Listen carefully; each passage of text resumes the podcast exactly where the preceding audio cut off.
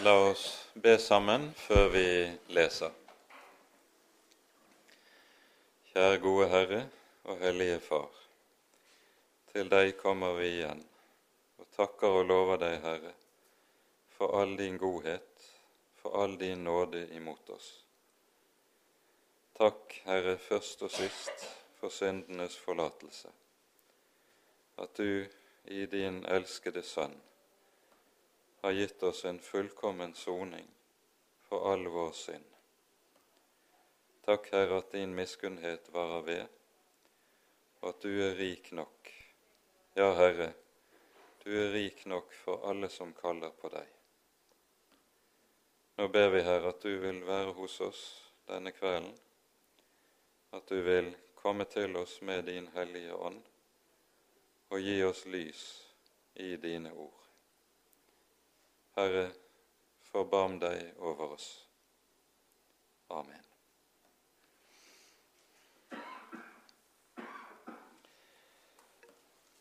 Når vi nå går inn i det åttende og niende kapittelet i andre Korinterbrev, da går vi også inn i et nytt hovedavsnitt i dette brevet. I forrige kapittel hørte vi om uh, hvordan Paulus tar opp igjen denne tråden som har med uh, apostelens forhold til menigheten i Korint, som jo har vært meget vanskelig og meget komplisert. Og apostelen gleder seg over at de vanskene som har vært, nå ser ut til å være tilbakelagt, og uh, forholdet mellom ham og menigheten er lekt. Og med det slutter altså det syvende kapittelet. Og Når vi så går inn i det åttende kapittelet, så tar apostelen opp en annen tråd, som eh, vi hører han har begynt å arbeide på allerede i første korinterbrev. Det dreier seg om innsamling av en gave til de nødlidende i menighetene i Judea og først og fremst i Jerusalem. Dette er et tema som eh, faktisk dukker opp i en rekke sammenhenger i både Paulus brev og ellers i Det nye testamentet, så vi forstår at eh, det slett ikke er noen perifer ting. Likevel så kan det se ut som mange undrer seg over at Paulus bruker så mye spalteplass i dette brevet på denne innsamlingen. Hele to kapitler er viet dette temaet. Og Det viser at Paulus nok tillegger denne saken meget stor betydning. Allerede i eh, første Korinterbrev hører vi i det 16. kapittel at Paulus omtaler denne saken. Her leser vi fra vers 1 til 4 i 1. Korinterbrev 16 følgende. Når det gjelder innsamlingen til de hellige, så skal også gjøre, dere gjøre slik som jeg har ordnet det for menigheten i Galatia. På den første dagen i uken skal hver av dere hjemme hos seg selv legge til side det han får lykke til for at ikke innsamlingen først skal begynne når jeg kommer. Når jeg så er kommet, skal jeg sende dem som dere selv velger, med brev, så de kan bringe gaven deres til Jerusalem. Men er det verdt at også jeg reiser, da skal de reise i følge med meg. Nå er det gått litt over et år, kanskje ett og et halvt år, siden eh, første korinterbrev ble sendt.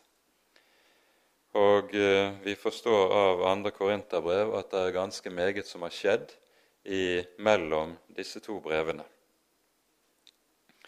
Nå står Paulus ved avslutningen av sin tredje misjonsreise. Han er fortsatt i Makedonia og tenker seg nå av sted til Korint, før han så vil vende seg til Jerusalem, slik vi hører det fra apostelgjerningene kapittel 20 av og utover, når han drar via Efesos tilbake til Jerusalem. Og Når eh, Paulus eh, arresteres i Jerusalem, så hører vi det nevnes i en, at Paulus nevner i den ene av forsvarstalene sine at når han nå er kommet til Jerusalem, så er det for å bringe milde gaver, kjærlighetsgaver, til sitt folk. Så dette er en del av hensikten med Paulus' reise til Jerusalem. Vi befinner oss antagelig eh, nå rundt år 56, kanskje år 57. Og eh, dette er altså eh, ved avslutningen av den tredje misjonsreisen til Paulus. Vi hører nå, og da leser vi kapittel 8 i sammenheng nå til innledning. Brødre, nå vil vi fortelle dere om den nåde Gud har gitt menighetene i Makedonia. De har vært hardt prøvet i trengsler, men likevel er det av deres overveldende glede og deres dype fattigdom strømmet frem en rikdom på oppriktig godhet. For de ga etter evne. Det kan jeg bevitne, ja, over evne og av egen drift de ba oss inntrengende om den nåde å få være med i fellesskapet i tjenesten for de hellige. Og de ga ikke bare slik vi hadde håpet, men de ga seg selv først til Herren, og så til oss ved Guds vilje.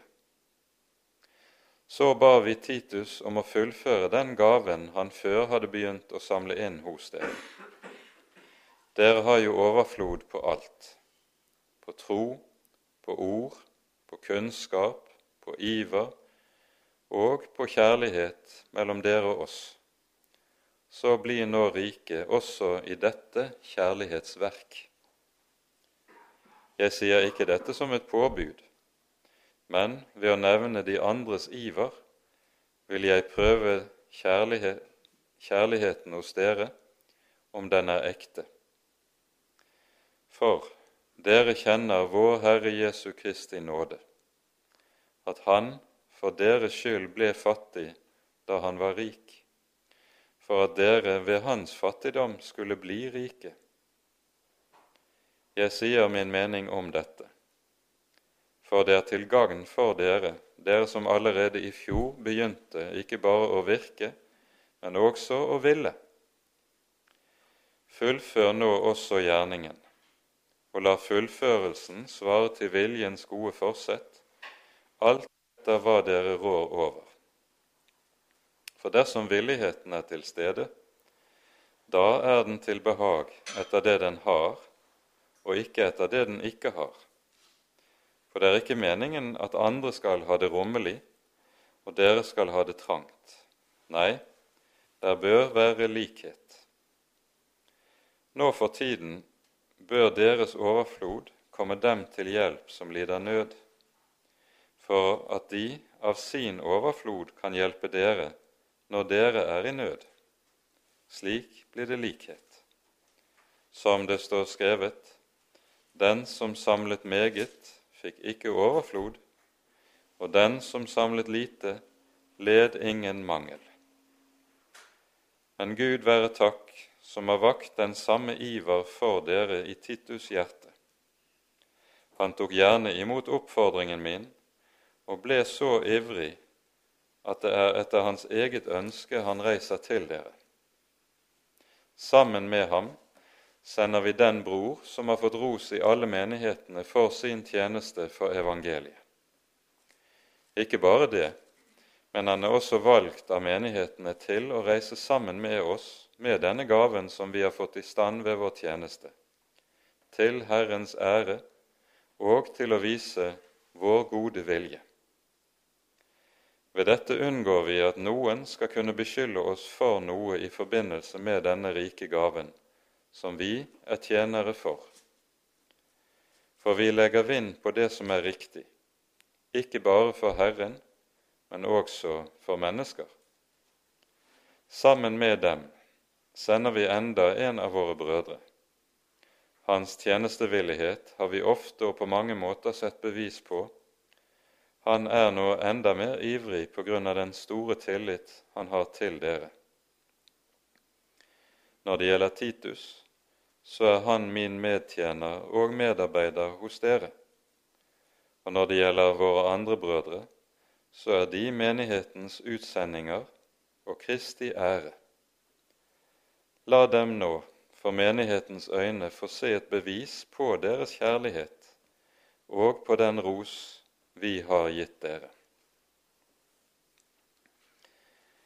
Med dette innledes altså dette avsnittet som handler om gaven til de hellige i Jerusalem.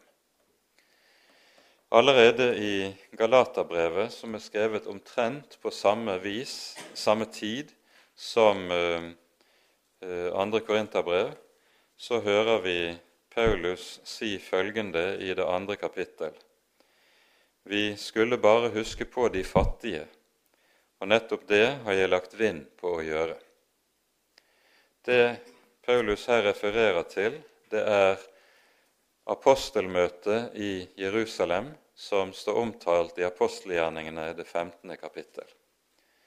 Det som er den hovedsak som jo blir behandlet under apostelmøtet i Jerusalem, det var spørsmålet om hedningenes omskjærelse.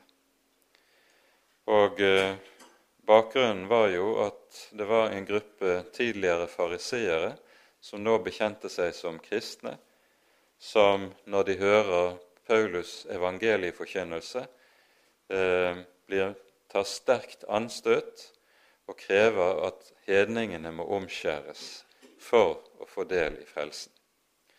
Så hoved, det hovedspørsmål som eh, behandles på apostelmøtet i Jerusalem, det er nettopp spørsmålet om omskjærelsen og Paulus' forkynnelse i den sammenheng. Og Det som jo tydelig har vært dette, denne gruppen av tidligere fariseere sin eh, hensikt, det er å drive inn en kile mellom eh, Peter, Johannes og de øvrige av eh, Jesu apostler i Jerusalem og Paulus. Å søke å sette en eh, splittelse og en splid imellom disse. Og Det vi hører, det er at dette lykkes overhodet ikke. Hedningene skal ikke omskjæres. Og Paulus, Peter og Johannes de rekker hverandre samfunnshånd, hører vi det sies. Med andre ord så sier Peter og Johannes med dette Paulus forkynner ikke et annet evangelium enn det vi har forkynt. Det er det samme evangelium, det er den samme Herre, det er den samme tro som forkynnes. Og Som beseiling på dette er det at apostelen også legger vind på at menighetene skal samle inn til de fattige i Jerusalem. Dette er en del av det samme fellesskap, det samme åndssamfunn mellom de hedningekristne og de jødekristne i Judea. Og Derfor understrekes dette nettopp i forlengelsen av apostelmøtet i Jerusalem. Vi skulle bare huske på de fattige, og nettopp det har jeg lagt vind på å gjøre. Og så det, det nevnes dette altså omtrent på samme tid som Paulus nå er i gang med innsamlingen i Makedonia, og vi, det, det vi hører i brevet til korinterne. Bakgrunnen for at menigheten i Jerusalem er blitt så fattig, det kjenner vi egentlig ikke lite, mye til, fordi det er ikke uh, sagt direkte i Det nye testamentet.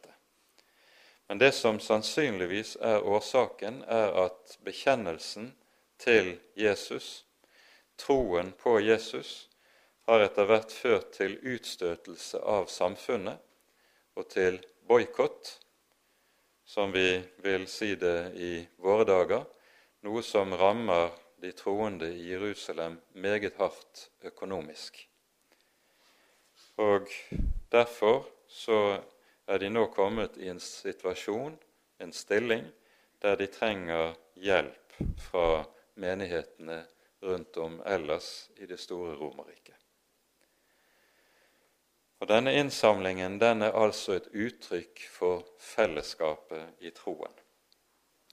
Nettopp denne sak kommer Paulus også inn på i Romerbrevet i det 15. kapittel.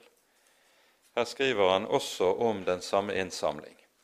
Det er nemlig slik at romerbrevet det skrives fra Korint når Paulus kommer for tredje gang til Korint etter at menigheten der har mottatt andre korinterbrev. Og I Romerbrevets 15. kapittel skriver Paulus følgende om nettopp denne saken. Vi leser fra vers 25. Men nå drar jeg til Jerusalem i tjeneste for de hellige. For Makedonia og Akaya Korint lå nettopp i Akaya. Makedonia og Akaya har villet samle inn en gave til de fattige blant de hellige i Jerusalem. De har selv villet dette, og de står også i gjeld til dem. For har hedningene fått del i deres åndelige goder, da er de også skyldige til å tjene dem med de timelige. Når jeg så har fullført dette og lagt denne frukt trygt i deres hender, vil jeg dra veien videre om dere til Spania. Det er altså Paulus' videre planer. Men her hører vi på ny Paulus omtaler denne innsamlingsgaven til de fattige i Jerusalem sammen med at Paulus gir en ganske bestemt begrunnelse for gaven i det vi hører i vers 27. Dere har fått del i deres åndelige goder.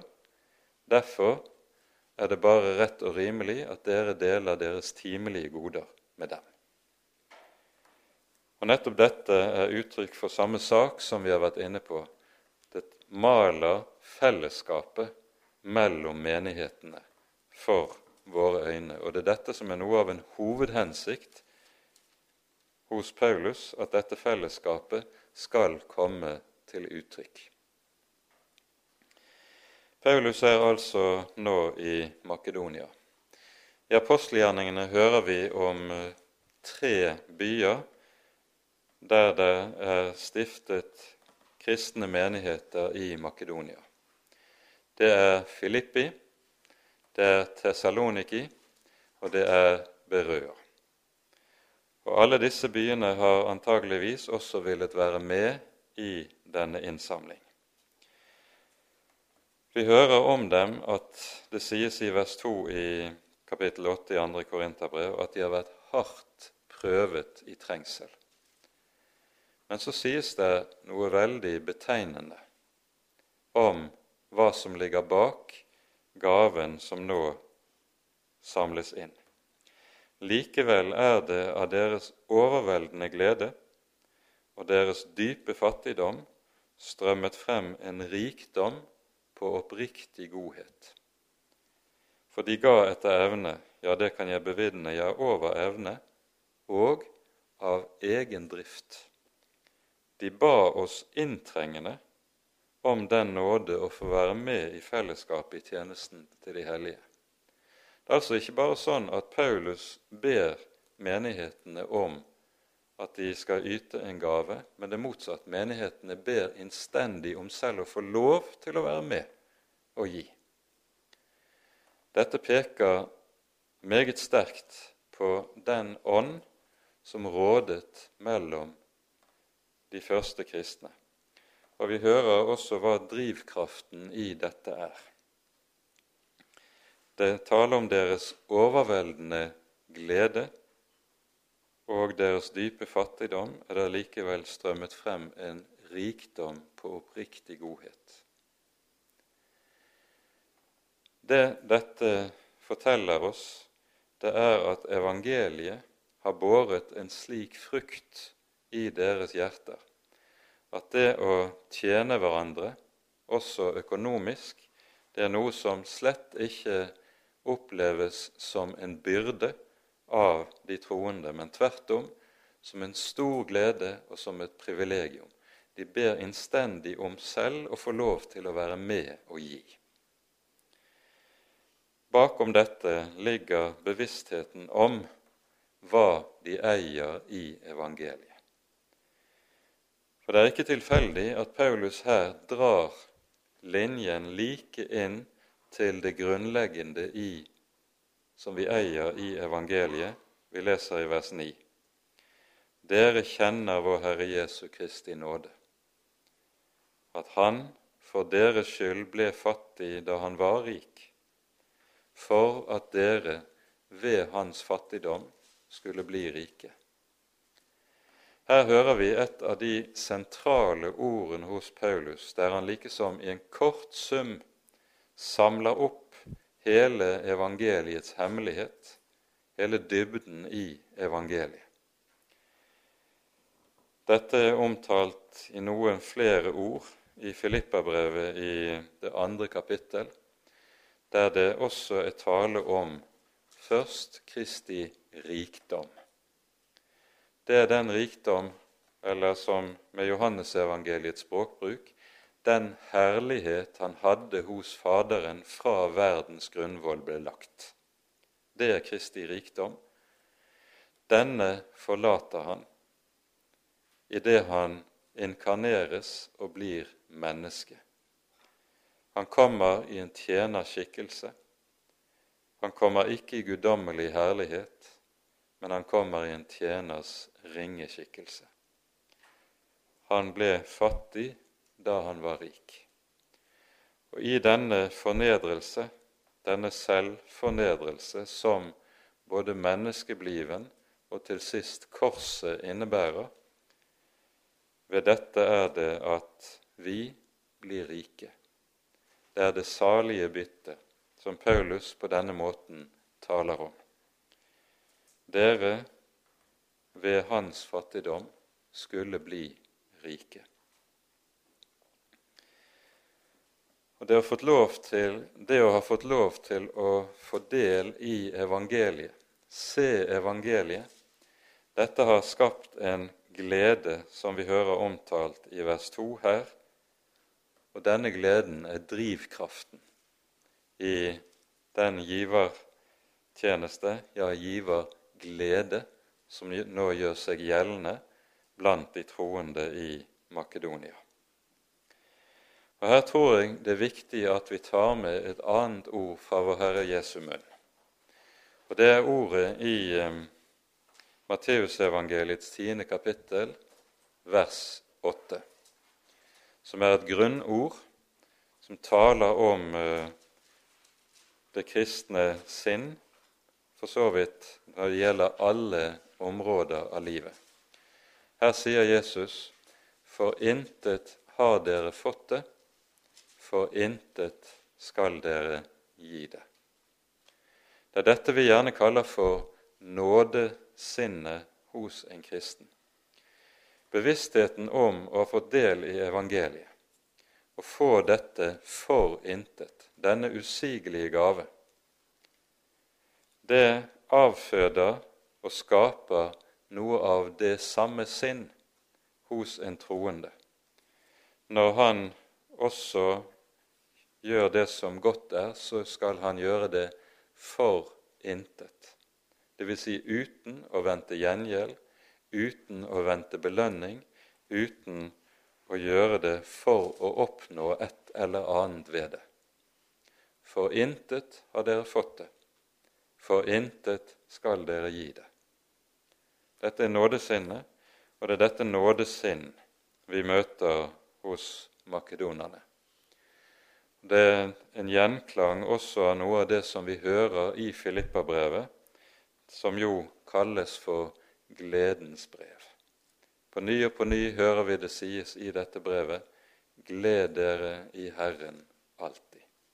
De er i trengsel, og dog hører vi dette lyde. Og Dette er noe av det underlige som nettopp er koblet sammen her i vers 2 i kapittel 8. Likevel er det av deres overveldende glede og deres dype fattigdom. Det er en underlig sammenkobling, disse to tingene. Nettopp av disse to ting er det strømmet frem en rikdom på oppriktig godhet. For de ga etter evne, ja, det kan jeg bevitne, over evne og av egen drift. Og de ga ikke, hører vi så fra vers 5 Nei, unnskyld, vi må ta et liten parentes til når det gjelder vers 4. De ba oss inntrengende om den nåde å få være med i fellesskapet i tjenesten for de hellige. Dette verset er ikke oversatt helt bokstavelig. Bokstavelig ville det lyde over slik De ba oss inntrengende om diakoniens nåde og fellesskap. Poenget er nemlig at eh, ordet 'fellesskap' som anvendes her, det, det er et ord som i Bibelen betyr å ha del i det samme. Koinonia, det betyr å ha del i den samme gave, i den samme, eh, det samme riket. Og så hører vi altså de ber om inntrengende nettopp for at dette fellesskap skal få komme til uttrykk. Og så hører vi at ordet nåde anvendes. For intet har dere fått det, for intet skal dere gi det. Det er nåde. Nådesinnet. Og Det som er påfallende her i det åttende kapittel, det er noe som ikke kommer frem i de fleste oversettelser, det er at det ordet som flere steder er gjengitt med gave i eh, disse to kapitlene, det er et ord som i grunnteksten er nåde. F.eks. i vers 6 og vers 7 vi ba Titus om å fullføre den gave han før hadde begynt å samle inn hos dere. Det står bokstavelig 'den nåde han hadde begynt å samle inn'.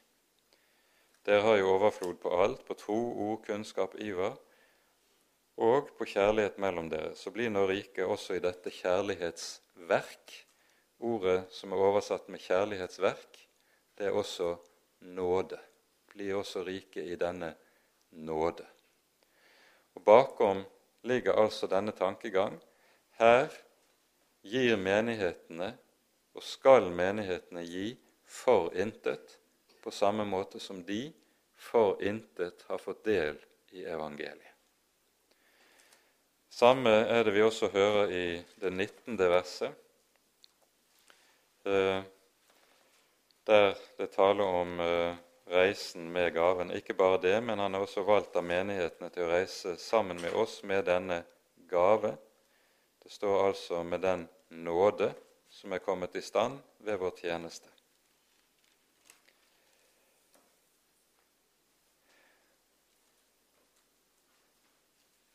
Det er tankevekkende at i eh, disse kapitlene så kalles aldri gaven som samles inn, for en almisse. Den betegnelsen brukes aldri, for i ordet almisse ligger det noe som lett kan oppfattes ganske eh, nedvurderende eller ovenfra og ned. Så det greske ordet for almisse anvendes overhodet ikke i denne sammenheng.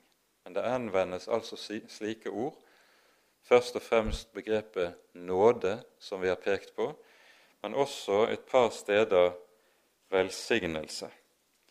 I kapittel 9, f.eks. i vers 5, eh, der står det sånn Derfor fant jeg det nødvendig å oppfordre brødrene til å reise i forveien til dere, og på forhånd få i stand den rike gaven dere før har gitt løfte om så dere, den skal ligge ferdig som en velsignelse og ikke en gniergave. Den som her er oversatt med 'den rike gave', det står egentlig i grunnteksten en velsignelse.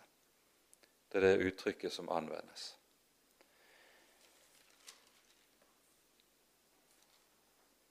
Tankegangen er altså at det som er drivkraften i forhold til dette som har med å gi inn i det fellesskap som mellom, samhørigheten mellom menighetene representerer, det er nettopp nådesinnet. Dette nådesinnet kalles av og til i Bibelen for Den villige ånd et uttrykk som dukker opp i en rekke steder, i, særlig i Det gamle testamentet, og som er uhyre betegnende. For eh, ofte er det jo nettopp på det vis at den ånd som loven skaper i et menneskes hjerte, den har en motvilje i seg. Det er professoren som vi har denne tegneseriestripen på i dagen, han sier jo i en bestemt sammenheng følgende Mange mennesker kjenner sine gode gjerninger på den motvilje som de gjør dem med. Og Det er nettopp lovens gjerning. Den er slik. Man gjør den fordi man føler seg tvunget til det. Man gjør det med motvilje. Men det sinnet som er skapt av evangeliet, det er et annet sinn det er kjennetegnet av det som kalles for den villige ånd, det nådesinnet. Vi møter noe av dette også forbilledlig i Det gamle testamentet, og jeg har trang til at vi tar frem litt fra denne teksten som vi finner i første krønikaboks 29. kapittel, der vi hører om innsamlingen til tempelet, til at tempelet skulle reises, og som ble organisert av David. David fikk jo ikke lov til å bygge tempelet. Han ville gjerne gjøre det, men Herren hindrer ham i det. I stedet blir det hans sønn Salomo som får den oppgaven. Men før David legger seg til hvile, så gjør han alt for å legge ting til rette for Salomo, og ikke minst hører det til innsamling av de nødvendige midler til at tempelet skal kunne reises. Og Dette hører vi altså om i første krønikerbok, 29. kapittel. Vi kan først lese fra vers 6 av. Bakgrunnen her er at David har samlet folket, og nå selv har gitt en meget rik gave til tempelet. Og så oppfordrer han først de rike i folket til å gjøre det samme. Da kom de, hører vi fra vers 6, da kom de villig med gaver, både familienes overhoder og Israels stammehøvdinger og høvedsmennene over tusen, over hundre og oppsynsmennene over kongens arbeid. 5000 talenter og 10 000 darika gull, 10 000 talenter sølv og 18 000 talenter kobber, og 100 000 talenter jern ga de til arbeidet på Herrens hus. Det er en, ikke noen smålig gave som her kommer inn. Og Hvis vi nå leser videre, så hører vi om Davids glede som kommer til uttrykk i den takkebønnen som nå bes i forbindelse med alt det gode som er kommet inn til at tempelet kan reises. Og I denne takkebønnen så vil dere kjenne igjen noe som vi også har i vår egen gudstjenesteliturgi. Vi leser fra vers 10 av. David priste Herren mens hele forsamlingen var vitne til det, og han sa:" Lovet være du, Herre vår Far, Israels Gud, fra evighet til evighet. Herre, din er storheten og makten, og æren og herligheten og høyheten, ja, alt i himmelen og på jorden. Herre, ditt er riket, og du er opphøyet over alt og har alltid din makt. Rikdom og ære kommer fra deg. Du råder over alle ting, og i din hånd er styrke og makt til å gi storhet og kraft til alle. Så priser vi deg nå, vår Gud, og lover ditt hellige navn For hvem er vel jeg, og hva er mitt folk, at vi skulle være i stand til å gi en frivillig gave som denne? Fra deg kommer det alt sammen, og av det som din hånd har gitt oss, har vi gitt deg.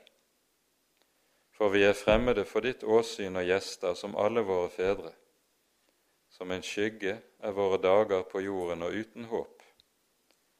Herre vår Gud, alle disse rikdommer vi har samlet sammen for å bygge ditt hus, et hus for ditt hellige navn, de kommer fra din hånd, og ditt er det alt sammen.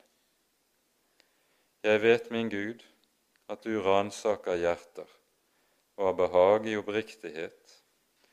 Av et oppriktig hjerte har jeg villig gitt deg alt dette og med glede har jeg nå sett hvordan ditt folk som står her, villig har gitt deg sine gaver. Herre, du Abrahams, Isaks og Israels, våre fedres Gud, la dette alltid være ditt folks hjertelag og tanker, og vend deres hjerte til deg. Vi hører altså David slik be om at denne villige ånd stadig skal råde i folket. Og så er jo gjenklangen av denne bønnen fra David det vi også ber i vår egen liturgi i forbindelse med offeret i gudstjenesten. Av din hånd har vi gitt deg. For med dette så bevisstgjør vi og minner vi også oss selv om hvem det er vi har å takke for alt vi har og alt vi eier. Ut fra det som vi her har sett og har vært inne på, så tror jeg det er riktig å understreke en hovedsak. Forholdet til penger, forholdet til givertjeneste, det er et åndelig spørsmål. Det er ikke et spørsmål som er bare rent praktisk i sin karakter, og som man kan styre med og skalte og valte med etter forgodtbefinnende. Forholdet til penger er alltid et åndelig spørsmål, og Derfor vil et menneskes gudsforhold alltid vise seg i hvordan det håndterer forholdet til mammon.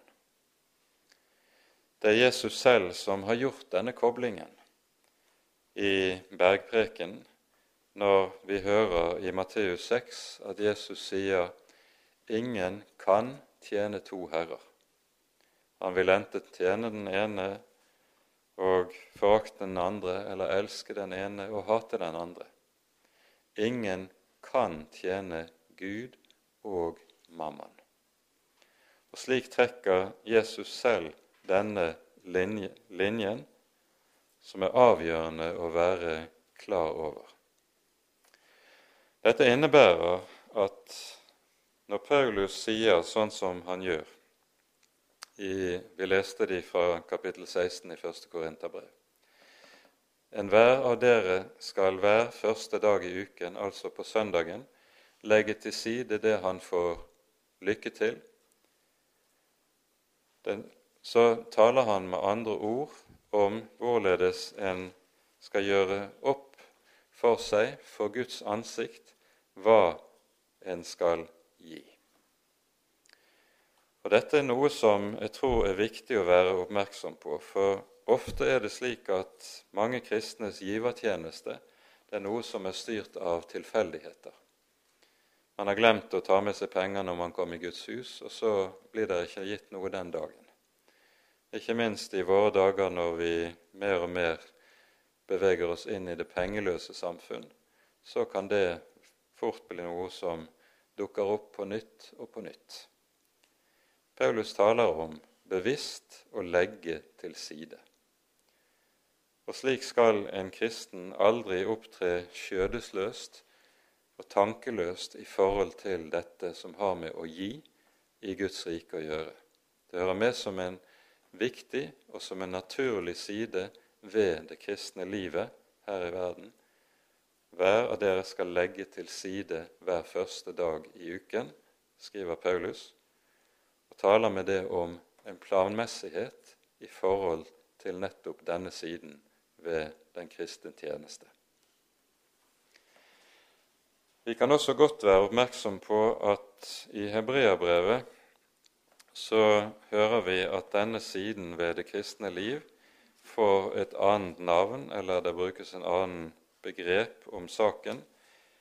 Vi leser i Hebreerne kapittel 13 følgende Vers 15 og vers 16 står det:" La oss derfor ved ham alltid bære frem lovprisningsoffer til Gud. Det er frukt av lepper som priser Hans navn. Men glem ikke å gjøre godt og å dele med andre, for slike offer er til behag for Gud. Her brukes ordet offer for det første om menighetens lovsang når den kommer sammen. Det er et takkoffer som menigheten bærer frem til Gud. Og for det andre om de gaver som menigheten gir til de som trenger det. Det kalles også for et offer, og på samme måte er det også et takkoffer.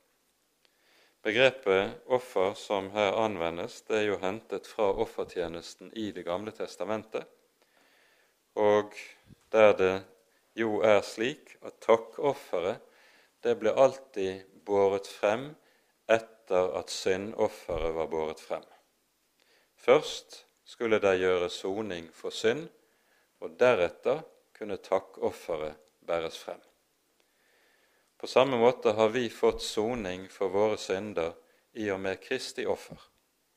Og så blir den kristnes liv og gjerning å anse som takkoffer til Herren for hva Han har gitt, for hva Han har gjort. Og Det er jo dette som ligger bak at Paulus i eh, vers 9 altså viser til Jesu offer. Dere kjenner vår Herre Jesu Kristi nåde, at Han for deres skyld ble fattig da han var rik, for at dere ved hans fattigdom skulle bli rike. Han viser til det grunnleggende offer som Jesus har gjort, og så skal takkofferet komme fra vår side. Det maktpåliggende for Paulus at dette nettopp skal være noe som skjer i frivillighet og ikke påtvungent. Vi hører Paulus understreker i vers 8 jeg sier ikke dette som et påbud, men ved å nevne de andres iver vil jeg prøve kjærligheten hos dere om den er ekte. Den som eh, kan si et slik setning jeg sier ikke dette som et påbud eller som en befaling. Det er bare den som har myndighet til å befale. Paulus har nemlig denne myndighet. Men han gir altså her ikke et påbud og en befaling, fordi det er helt avgjørende når det gjelder disse ting. Det skal skje i frivillighet, vokse frem av det sinnet som vi har vært inne på, og som kalles for nådesinnet. Jeg sier meningen min om dette, for det er til gagn for dere, dere som allerede i fjor begynte, ikke bare å virke, men også å ville. Fullfør nå gjerningen. La fullførelsen svare til viljens godhet, gode forsett, alt etter hva dere rår over. For dersom bare villigheten er til stede, da er den til behag etter det den har, ikke etter det den ikke har. Altså, Paulus forventer ikke at folk skal gi så meget at de selv kommer i vansker. Det er ikke det som er tankegangen her. Men han vil at denne koinonia som der er mellom menighetene, nemlig at den kristne kirke er et legeme, og der det nemlig av den grunn er slik at de ulike lemmer hører sammen og hjelper hverandre, slik skal det også gjelde på dette området. Vi går ikke inn på den siste delen av kapittelet i detalj. Bare at vi der legger merke til en sak som Paulus er meget nøye med. Og det er at menigheten skal sende med hver sin representant til Jerusalem når gaven skal avleveres. Det er ikke sånn at menigheten samler inn en gave som så Paulus får i en stor uh, pose, og som han da skal reise alene med. De som har baktalt Paulus i Korint, de har ikke unnsett seg for også å anklage han for pengebegjær, at han søker å utnytte menighetene økonomisk. Og For å gardere seg mot enhver slik anklage så anser Paulus det som meget viktig at menighetene har med sine egne vitner. Ja, i, Vi hørte i 1. Korinterbrev 16 at det der til og med sto at menighetene skulle sende med et brev med disse representantene til Jerusalem. Og vi forstår hva hensikten med dette brevet er. Det skal fungere som en slags kvittering på hva det er som har vært samlet inn, og så kan de telle opp beløpet når de kommer. Det er intet som er blitt borte på veien. Paulus er meget nøye på denne måten i pengesaker, for at det ikke engang skal være mulighet til å reise mistanke om apostelens integritet på dette området. Og Derfor er det at Paulus sier sånn som vi hørte det i vers 21. Vi legger vind på det som er riktig, ikke bare for Herren, men også for mennesker. På samme måte skal en også i kristne menigheter i dag være nøye med det økonomiske på samme måten. For at man skal sikre seg ikke bare mot at noen skal falle i fristelse, men gardere seg mot at det overhodet skal kunne reises mistanke om at det skjer snusk på dette området. For Paulus hører vi det helt avgjørende at menighetene har orden i forhold til dette som har med det økonomiske å gjøre. Også på dette området har vi noe som er et forbilde for oss i Den hellige skrift.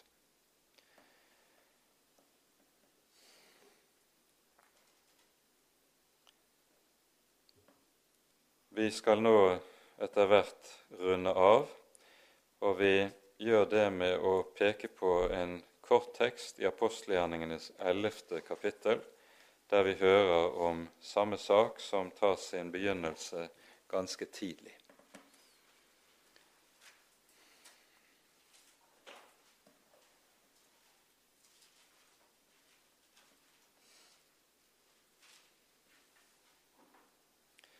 Her hører vi fra vers 27 Det fortelles om den første menigheten i Antiokia, og det står i de dager kom det noen profeter ned til Antiokia fra Jerusalem. En av dem, som het Agabus, sto opp og varslet ved Ånden at en stor hungersnød skulle komme over hele verden. Den kom da også under keiser Claudius. Disiplene vedtok da at hver av dem, ettersom de hadde råd til, skulle sende noe til hjelp for de brødre som bodde i Judea. Dette gjorde de og sendte det med Barnabos og Saulus til de eldste. Altså allerede meget tidlig. Dette skjer antagelig i hvert fall ti år før det vi hører om innsamlingen i Korinterbrevene. Så har dette blitt en praksis blant menighetene. De hjelper hverandre. På samme måte skal vi også tenke i vår overflod og vår rikdom på de troende og de menigheter som slett ikke har det på samme måte som vi har det, for at det skal være like for like, skriver Paulus. Dette er altså et grunnleggende uttrykk for enheten i den kristne menighet, for fellesskapet i troen, som altså er avgjørende å ha klarhet i. Med dette setter vi punktum for dagens bibeltime. Ære være Faderen og Sønnen og Den hellige ånd, som var og er og være skal en sann Gud, høylovet i evighet. Amen.